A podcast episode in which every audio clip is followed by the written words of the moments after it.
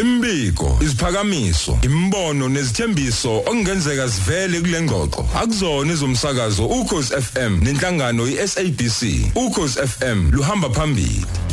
Sikhuluma nodlakadla engusolwazi wepolitical science and international relations aphinde futhi ke abe ngumqondisi lapha ke eKenred Center eNelson Mandela University eh sizoxoxa naye ke namhlanje sikubingelele emsakazweni dlakadla Eh asibonge shenge sibingelele kuwena sibingelele kumthipa bese sibingelele nakubalaleli Eh isihloko sethu nje sanamhlanje mhamba ke asiqale ngokuthi ke sibuke ukuthi ngabe sifundani ngeinkulumo nezenzo zabaholi ezanduleleke umbhikisho wanamhlanje ohlelwe yiEFF No eh, asibonge shenge ngicabanga ukuthi into ebalekile la eh, amagama ogcina ngawo ukuthi umbhikisho ohlelwe iEFF ngoba kunenkulumo nje e, e, ethanda ukuvezwa ngabantu abaningi eyokuthi umbhikisho weEFF akunjalo umbhikisho ohlelwe iEFF njengoba ikuyaba khona iminye imbhikisho ngaphambili. Into ethanda ukwethusa ngalombhikisho lo eh, ukuthi kunabantu asebeqala ukumemezela ukuthi umbhikisho lo ngokuvukela umbuso. Wakhishwa ke zonke inhlaka zikahulumeni amaphoyisa amasotsha amaphoyisa omgwaqo amaphoyisa kwamasipala. Umbuzo ke enginawo ukuthi lo mbhikisho wehluke ngani kweminye esike yasayibona yenzeka? Ihlelwa ngamanye amaqembu ihlelwa ngezinye inhlaka zemphakathi ukuze bakhalaze ngezinto ezithile so ngicabanga ukuthi la ilento esiyenzayo ukuthi uma ngabe kukhona umuntu owenza into ethile uma ukuthi sifuna mhlawumbe kuyibeka kabi le nto leyo bese siveza isithombe okungesona. Ngicabanga ukuthi kube nobudedengu obukhulu. Ukusuka phezulu kuhulumeni kuya ke kwabanye abantu nje abangamalungu omphakathi besingekho isidingo sokuthi sengaze ngempela kubangeke umsindo omkhulu kangaka. Okugcina ke kube ukuthi uma ukuthi inhlaka zomthetho uzibekile zimi ngomumo ukubheka isimo ungasitsheli thina sifune kuze sifuna ukubona izenzo. Kwenze lokho ongasese bese ke uma ngabe kuba khona okwenzekayo wenzeke lokho okufanele. Ungahambi kwimedia uyomemezela ukuthi nakhe ngizokwenza nakhe ngizokwenza kufana nokuthi ungatshela isigebengu ukuthi kulezi igebengu eziwu-3 eziphume wezivili sengikhiphe amaveni amathathu ayokanisa ePinetown abukho ubuhlakani lapho ngoba phela ziyoshintsha ulayini nazo zihambe ziye kwenye indawo. Hey yazi brother sorry uselapho mhlawumbe sekuyo leyo dlakadla kufuna ukubheka khona lokho siyatshelwa mangaka amasosha akhishiwe ngakanani imali efakiwe kuyona? Beke sibuka la umhlonishwa ubheka icelo minister amaphoyisa eh esho ukuthi uyiphake kanjani ezakho. Nanethone ekhulumayo ibalekile ukuthi umuntu akhuluma ngendlela ethile? No asikho isidingo emthiya ukube bekuthiwa ithoni iyaphakama befanele iphakame njengoba kuqedwa abantu ngapha komkhanya kude komhlaba yalingana kuthathwa izimoto ziyise eMozambique. Akubale nje ukuthi zingaki izimoto esiziwele umngcele ziwelele eMozambique. Ukuthi uma ngabe kushiswa izimoto ezintathu zaseMozambique zishiswa eNingizimu Afrika umengameli waseMozambique wasukuma wama ngenyawo ngoba kuthinteka abantu bakhe.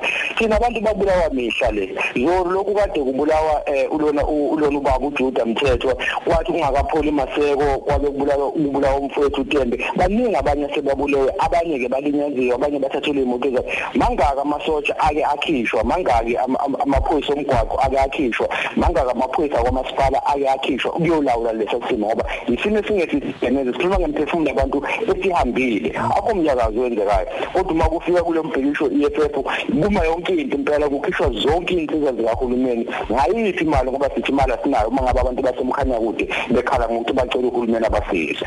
Hayi hayi no siyakuzwa. Eh, okunye eh, khona khona lapho nathi sisabhekene nalokho esibhekene nakho sibona eh, lo owayekade ke eh, umongameli wase Nigeria udokotela Olusegun Obasanjo em ezokwethula inkulumo ngomntwana okwaphinda ngene eh, ingabe mhlambe le nkulumo ibaluleke ngani ezothulwa kusasa? No inkulumo ibaleke kakhulu eh Mloza nawe sigcemeza nakubalaleli. Ibaleke kakhulu ngoba sizokhumbula ukuthi umntwana kwaphinda ngene ushene kuningi akwenzile ekwenzela hayi nje iqembu lakhe kuphela iIFP kodwa ekwenzela isizwe saseNingizimu Afrika. Sizokhumbula ukuthi nangesikhathi kuba nohulumeni oqala lokwakuthiwa uhulumeni ukubambisana iGovernment of National Unity eh ubaba Mandela wamkhetha ukuthi abe ungqongqoshe wezasekhaya waqhubeka naleso sikhundla nangesikhathi sekuphethe umbheki ukuthi uma ngabe kungene i-EFF eParliament kwathi mangabe kuphakama imoya i-EFF ne-DA ngoba uyena umntwana okwaphinda ngene obezama ukuthi adambise isimo. Kanti nangesikhathi sobandlululo sizokhumbula ukuthi uphumene namazwe amaningi angaphandle Afrika ukubuka indlela ongalungiswa ngayisimo ngaleko ukuthi kuchitheke igazi. Umengameli Obasanjo ke ungomunye wabantu abazana kakhulu eh noshenge engicabanga ukuthi leso zathi esenze ukuthi uma ngabe kuzokwethulwa lenkulumo ucelwe yena ukuthi akeze azokhuluma ngomuntu amazi kahle ngesikhathi sobandlululo nangesikhathi futhi esekuhulumeni wentando yeningi. So ngicabanga ukuthi kuningi esizokufunda uma ngabe inkulumo isibekiwe isivele nasemphakathini ngoba kuthi izovezwa eh, nakumangosuthu foundation. Ngicabanga ukuthi baningi abantu abazokwathi bayibone. Uma bengayibonanga lapho-ke bayibona ey'nkundleni zokuxhumana uma ngabe isithuliwe. Siyakhumbula eh, kwethulwa futhi ngaye ke uObasanjo ngo2019 eh ngicabanga ukuthi ke nalapho eh, umntwana wakaphinda ngene kwakuyena wayekade ke ethula ngaye inkulumo sesiyabona nango 2023 eh kwenzeka mm, okufanayo. Sibona futhi ukuthi kwenzeka njengenyanga yamalungelo. Ingabe isho ishoni inyanga yamalungelo eh kubantu ikakhulukazi njengoba kuundasa nje kubantu kanjalo nezakhamizi zasemakhaya? Eh ivusa amanxeba dadewethu ivusa amanxeba ngoba eh ngesikhathi sobandlululo abantu basemakhaya bafana nami nje abafana nawe. Kwakuthi uma ngabe bezwa ukuthi hayi ngathi ijoka liya ngokuya eqina istrobo siya ngokuya esiqina kube nale nkolelo ukuthi mhla kwaphatha abantu abamnyama na kanjani siyophuma kule ncindezi esiphila ngaphansi kwayo. Kodwa into yenzekile kusukela u1994 kuningi okuhle osekwenzekile. Kodwa futhi kuningi okubi okuqhubekayo nokuthi kwenzeke. Abantu basemakhaya abanakiwe ingakho uthola kugcwala kanje emadolobheni. Into e- e- esusa abantu emakhaya akungoba mhlawumbe bengawathanda amakhaya abo ingoba ingekho impilo emakhaya. Uthi ubheka isimo semgwaqo asihle uthi uthenga imoto nje ngeviki nje isuke isivithi kuyaphela.